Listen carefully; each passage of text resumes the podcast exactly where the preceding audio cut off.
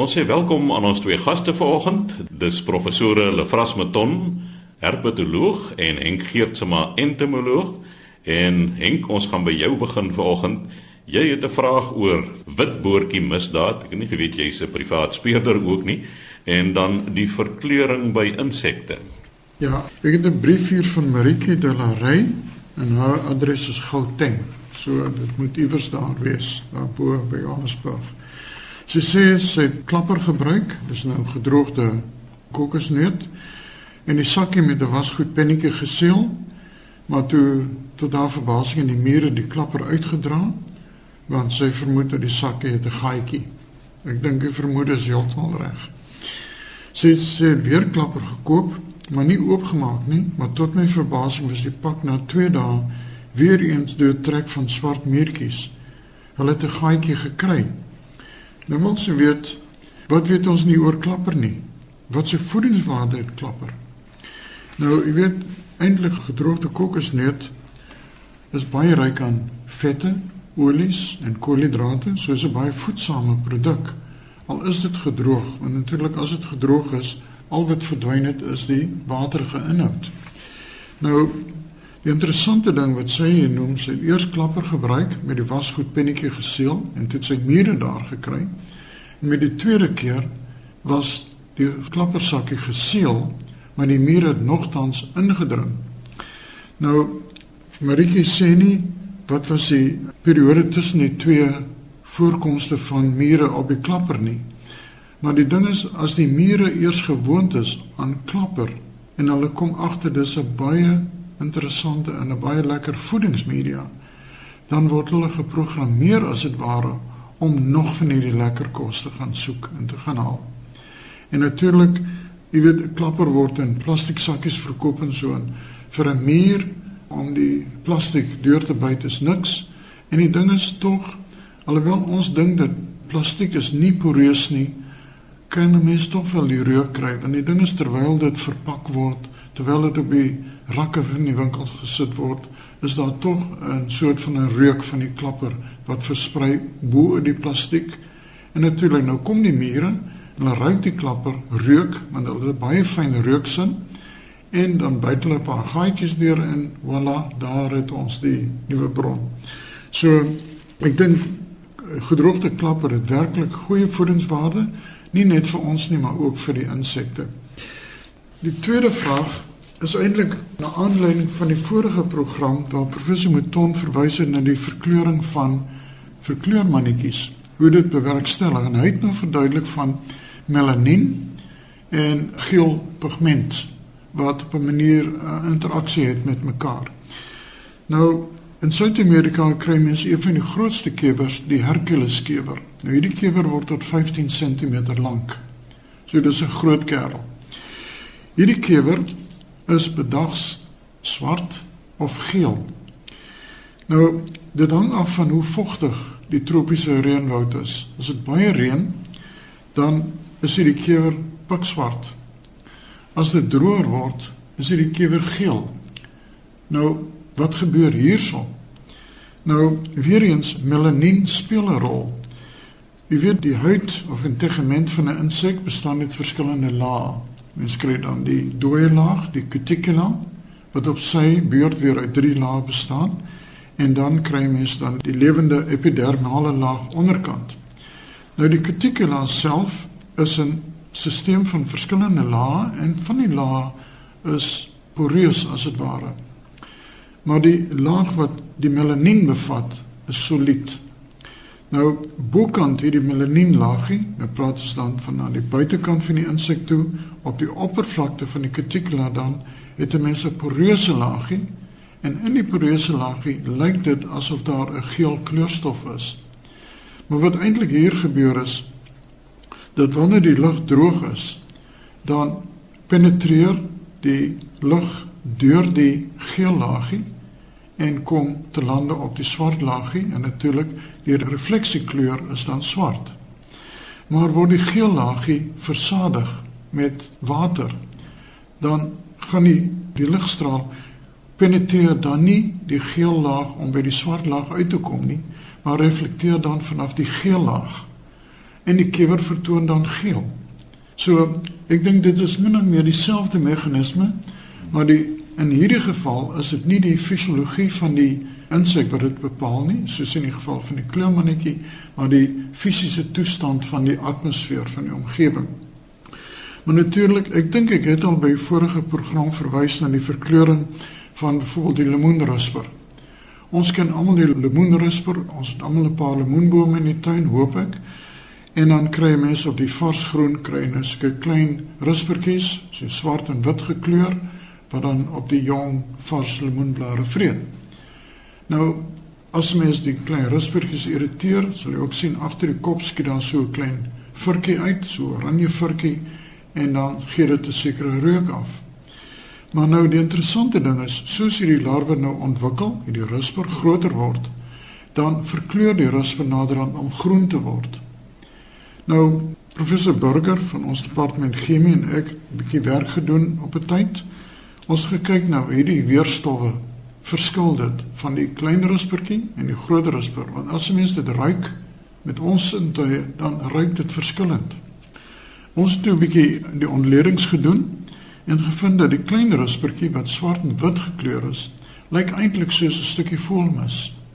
Met ander woorde, die groot roofdiere wat ruspers sou wil versamel, word 'n bietjie afgeskrik want hierdie lyk soos voeltjie mis, so ons gaan dit nie eet nie.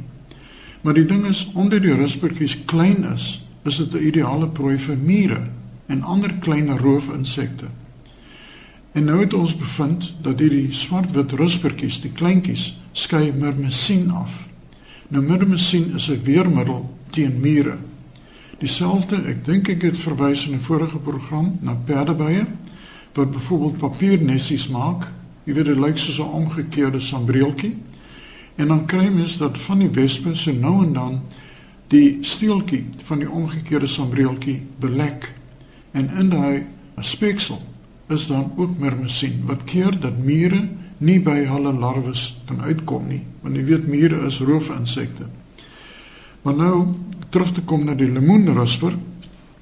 Soos die rusper nou groter word, word dit meer en meer 'n aantreklike prooi vir roofdiere soos voëls. Nou word hulle groen van kleur. Met ander woorde, hulle probeer hulle self kamoufleer. Nou die kamouflering kan werk Maar so nou en dan is daar wel 'n slim voeltjie wat deur hierdie verneukspel kan sien. Maar die ding is, die weerstof wat die groen rispe dan afskei is limonien. En limonien is vir alle soogdiere of werweldiere weersinwekkend. So die rispe is nou te groot vir die mure, so myrmesien is nie meer nodig nie. Nou skei ons limonien af. Maar nou kom ons by 'n ander interessante geval van die lemoenrisper. Jy weet ons het hierso in die Weskaap het ons 'n bos wat ons noem Wille Petersilie. Die Engelse praat van 'n blisterbush. As jy mens in die fynbos loop, kan jy die plant eintlik ruik. Dit baie lekker aroma. Maar moenie te naby aan die plant kom nie, want ek het eendag vir 'n student gewaarsku, moenie hierdie blare pluk nie. En moet ook nie ruik aan hy blare nie. Die student het dit wel gedoen En die volgende dag was haar lippe opgeswel soos iemand wat botox in die bo-lippe gekry het. En daar was ontsettend groot blaase in en om haar neus gewees. En dit is waar die naam blisterbush in Engels vandaan kom, die wille petersilie. Om terug te kom na die rusper. Ons kry ook in die Weskaap 'n plant wille anys wat veral die paaie in so staan. Weerens wille anys het 'n baie sterk reuk. En die lemoenruspers voed ook op hierdie twee plante. En in hierdie geval is daar geen verkleuring. Die klein ruspertjies is nie swart-wit nie. Die groot ruspers is nie groen nie. Dit lyk absoluut soos die loof van die wille anys of die petersilie. Mense kan dit amper nie sien nie. So hulle maak weer gebruik van kamouflasie op 'n heel ander manier en dit hang nou af van die reuk wat die plant afskei. Verder die lemoenrusper as dit volgroeid is, vorm dit papies. Nou, jy sal dikwels sien dat hierdie papies word gevorm teen die stam van die lemoenboom of byvoorbeeld teen 'n baksteen wat daar lê of teen 'n muur wat ook al. En die interessante ding is dan dat die papie met die vorming daarvan ontwikkel 'n kleur wat soort van 'n kamouflasie vorm. Met ander woorde, vorm dit 'n papie teen 'n grys agtergrond, is die papie grys. Is die agtergrond bruinerig, word die papie ook bruinerig. Met ander woorde, daar's 'n een of ander fisiologiese meganisme wat dalk deur die ligweerkaatsing of liginval beïnvloed word.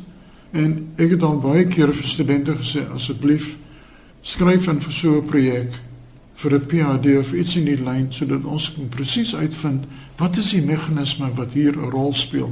Want ons weet nie en is amper soos die ore van die verkleurmannetjies. Ons weet nie presies waar dinge vandaan kom nie maar 'n mens neem 'n ding waar en as wetenskapper wil jy baie graag 'n verklaring hê vir hierdie verskynsel.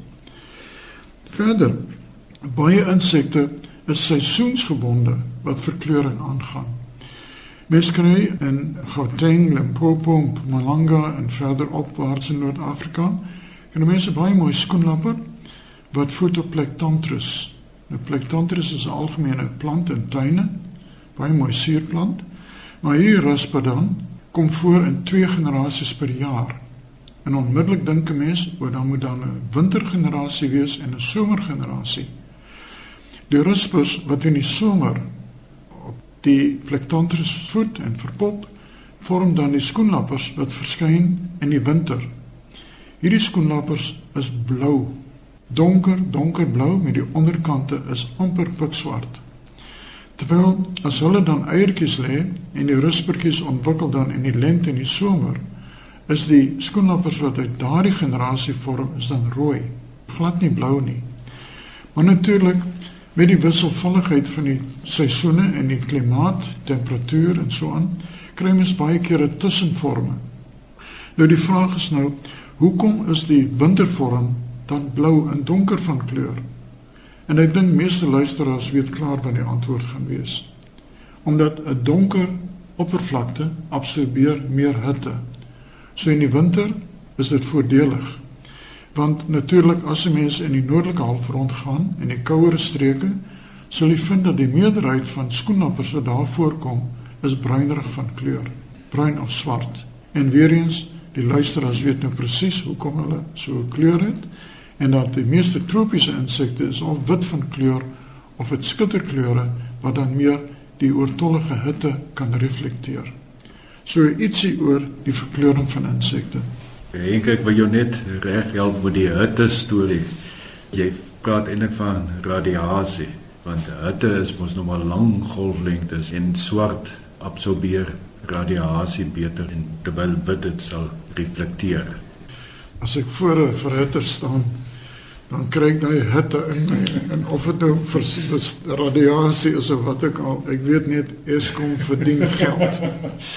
Nou ja, so het professor Henk Geertsma so pas verduidelik. Professor Lefras Maton en jy het 'n vraag ontvang oor die skubbe van 'n Itermagog. Ja, Chris, dit is nou nogals eintlik interessant want uh, Henk het begin jou eerste vraag het gegaan oor die tegiment van insekte en ja, hierdie vraag van Willie Wiese van Pretoria gaan dan nou oor die integiment van werveldiere. So dit sluit nogal sonder dat ons dit so beplan het nou mooi by mekaar aan. Willie wil weet, hy's van Pretoria, hy wil weet hoe verklaar 'n mens die skubbe van 'n itemagog?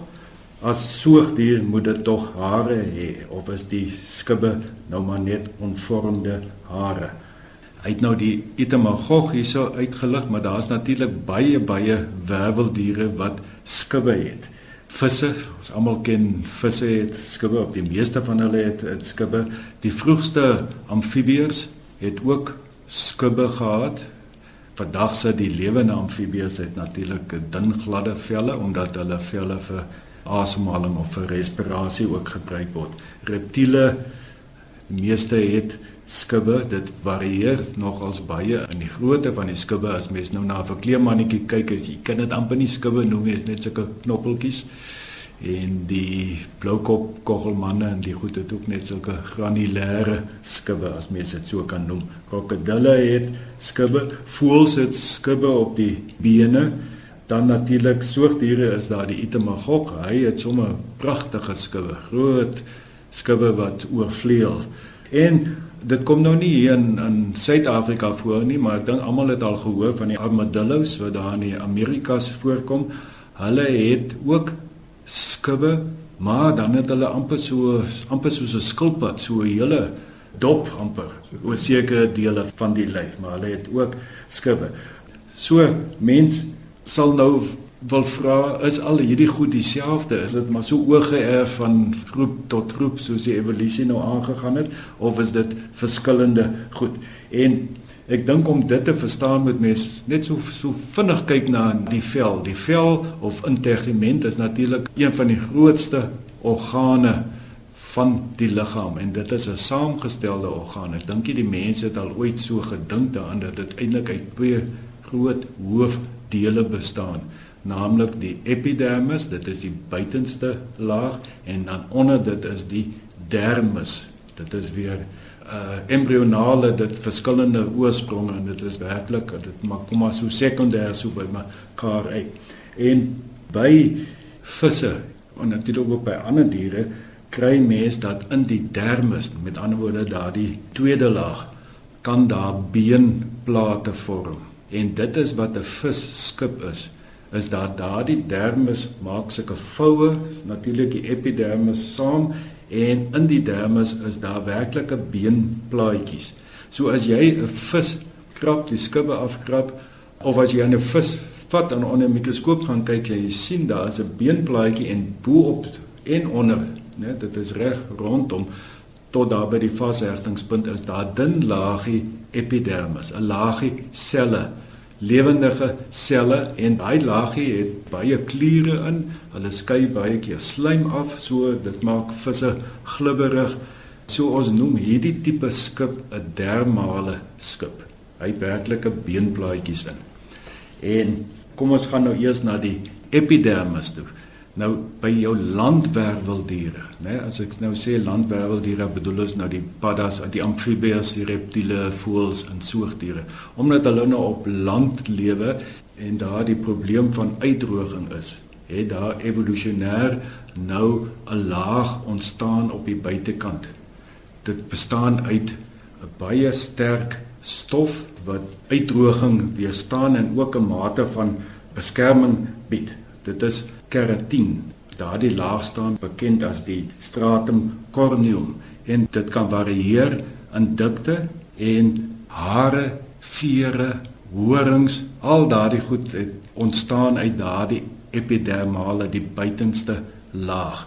En soms kan dit so 'n hele dit vorm skubbe. Dit is vouings in die epidermis en dan lyk dit net soos 'n vis skip, maar dit het 'n totale ander oorsprong en dit het heeltemal verskillend ontstaan. So dit wat ons by reptiele sien is dan nou epidermale skubbe. Daar's nie been in nie. Dit is net daardie verharde droë dit is 'n acellulêre laag, net dit is van keratin. En dit natuurlik het oorvleuel so bietjie met mekaar tussen die skubbe is daar skaniertjies sagte deeltjies laat dit dan die dier om kan buig en dit is dan nou 'n epidermale skip. Nou ons weet soogdiere het nou hare ontwikkel en voëls het vere ontwikkel en al daardie goed is maar skubbe. Die bestanddele is dieselfde. Naels, horings, dit is alles is dieselfde bestanddeel, keratin. Is net in 'n ander manier aan mekaar gesit dat dit anderste lyk. So as ons dan nou kom by die armadillo, baie interessant as jy nou gaan kyk daar dit is tipiese epidermale skubbe dis daar's niks been by betrokke nie. Dis net daardie verharde buitenste laag van keratin wat dan nou sulke prominente skubbe vorm wat natuurlik dan nou baie beskerming bied. As mens gaan net om nou te illustreer hierdie twee lae die been plate wat kan vorm en die horinglaag die buitenste laag skilpad Julle almal het seker al 'n skilpad, 'n dooie skilpad in die veld gesien. Dan kry jy daai wit dop die beenlaag. Dit is die dermale been. Dit is die onderste laag wat in die dermis vorm. En dan die doppe wat so afval, die bruin goede, dit is die horinglaag. Dit is nou die epidermale doppe of skubbe. En dit kom dan ook algemeen voor. So by skilpaaie het jy dis 'n dubbel stelsel. By reptiele het jy nou epidermale skubbe. Alhoewel by baie reptiele kan jy ook beenplaatjies in die dermis kry, maar dit vorm nie deel van die skub as sulks dit dit lê onder die skub. By visse is dit nou in die skub. As mens dan nou nog gaan kyk na die armadillos. Armadillo is basies dieselfde situasie as by skilpaaie. Jy kry so 'n been dop wat so oor die skouer kan strek en dan een hier oor die heupe en dan tussenin is daar los beenplate wat nou van been is dermale oorsprong en dan bo-op is skubbietjies van epidermale oorsprong. En natuurlik al hierdie goed gaan maar oor beskerming bied van vis tot by soogdiere. Dit is alles beskerming. So ja, Willie Wiese is nie verkeerd as hy sê is dit nou maar omvormde hare. Dit is dieselfde ding as hare is nou net in 'n ander formaat. Mens sou dink dat evolusionêr is dit nie moeilik om daardie verskywings te maak afhangende van die omgewingsdruk. In steede van hare is daar nou skubbe, maar die oorsprong is dieselfde. As die skubbe dan omvormde hare is en hare groei en word langer, word die skubbe dan ook langer. Dit kan nou net jy wees wat nou so 'n ingewikkelde vraag vra. Ek ek dink dit is dan nou baie interessante vraag. Ek sou graag 'n bietjie wou gaan oplees want mense dink nou aan die hele vervelling proses. Ek sou dink die skubbe groei nou nie, word nie al langer nie. Maar dalk is dit maar net verwering soos mens maar jy weet normaalweg vervel dat daar 'n bietjie afverweer, maar mens moet bietjie gaan oplees daaroor. Maar iets wat vir my nou baie interessant is oor hierdie Itemagog is dat Mens kon dit nog maar voor die tyd geraai het dat hulle is baie gesog. Hierdie velle die skubbe word opgemaal. Julle kan raai die wie? Ons oosterse vriende want dit help dan nou om kanker te genees en al hierdie goeie asma en ja so dit is 'n probleem Hulle het nou die dag in 2013 het hulle 'n skip weer voorgekeer met iets soos 10000 kg vleis van hulle eet hom ook natuurlik, maar nou ja, so daai velle is die belangrike komponent. Die Itemagog is nou nie iets wat ons hier in die suide van Suid-Afrika sal sien nie, maar meer in die noordelike dele. Dit is so Namibië, Botswana, Zimbabwe en dan in die noordelike Afrika. Die armadillo wat in die Amerikas voorkom, net so interessante spesies. Hulle het 'n baie lae liggaamstemperatuur wat hulle handhaaf, 34 grade Celsius, en daardie temperatuur is baie dieselfde as die mens se vel. En nou hierdie armadillos is nou die draer van die bakteries uh melaatsheid, is mos 'n velsiekte. As jy daai goed hanteer, dan is jou kans goed dat jy melaats daai bakterie kan optel. So, dis nie 'n lekker gedagte nie, maar wat ook baie interessant is van hierdie armadillo is dat hulle van die spesies, nou nie almal nie, kry vier kleintjies op 'n slag. En daardie vier kleintjies kom uit dieselfde eier uit. So hulle is geneties identies. Dit's 'n vierling. Nou hang dit kom seker ook hierdie polyembryonie dat daar uit een enkele eier op 'n normale, dit is 'n normale ding, 'n klomp kleintjies uitkom. Dit is van die Ek dink seker die enigste voorbeeld onder soogdiere waar mens dit kry. Is die armadillo ook 'n buideldier? Nee, dit is 'n plasentale soogdier. Die buideldiere is mos daar in Australiese daai dele. Hierdie is nou in die Amerikas.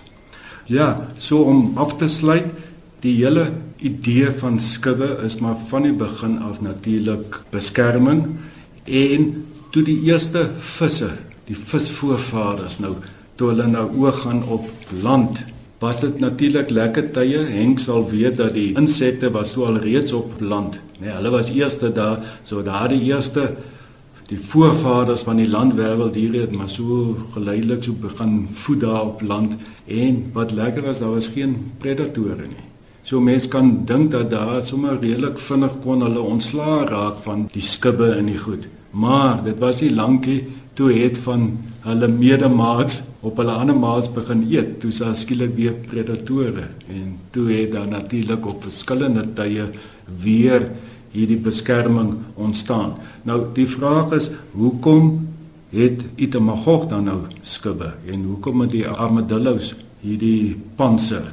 Dit is interessant dat hierdie spesies is almal muureters en ook termieteters en dit is gewoonlik hulle is nie baie groot nie en om mure en termiete te eet is gewoonlik in redelike droë dele waar hulle 'n tyd moet spandeer in die oopte en selfs by baie ander diere, ook by akedisse, as hulle muureters wat daar in die oopte is, is het gewoonlik swaar panser. So ek dink hulle is onder 'n ander tipe druk omdat hulle nie die heeltyd aan die beweeg is, een dingetjie hier vang en een daar nie. Hulle spandeer 'n redelike tyd by een muurnes en dan is hulle baie blootgestel aan predasie. So dit is dalk maar die dryfveer agter die ontwikkeling van hierdie panser by die itomagog. Natuurlik ook as die itomagog bedreig word dan rol hy homself op in 'n bal wat baie goeie beskerming Ja, is. hier is toevallig hier in die stuk wat ek hier het, is hier 'n mooi foto van 'n klomp leeu's wat staan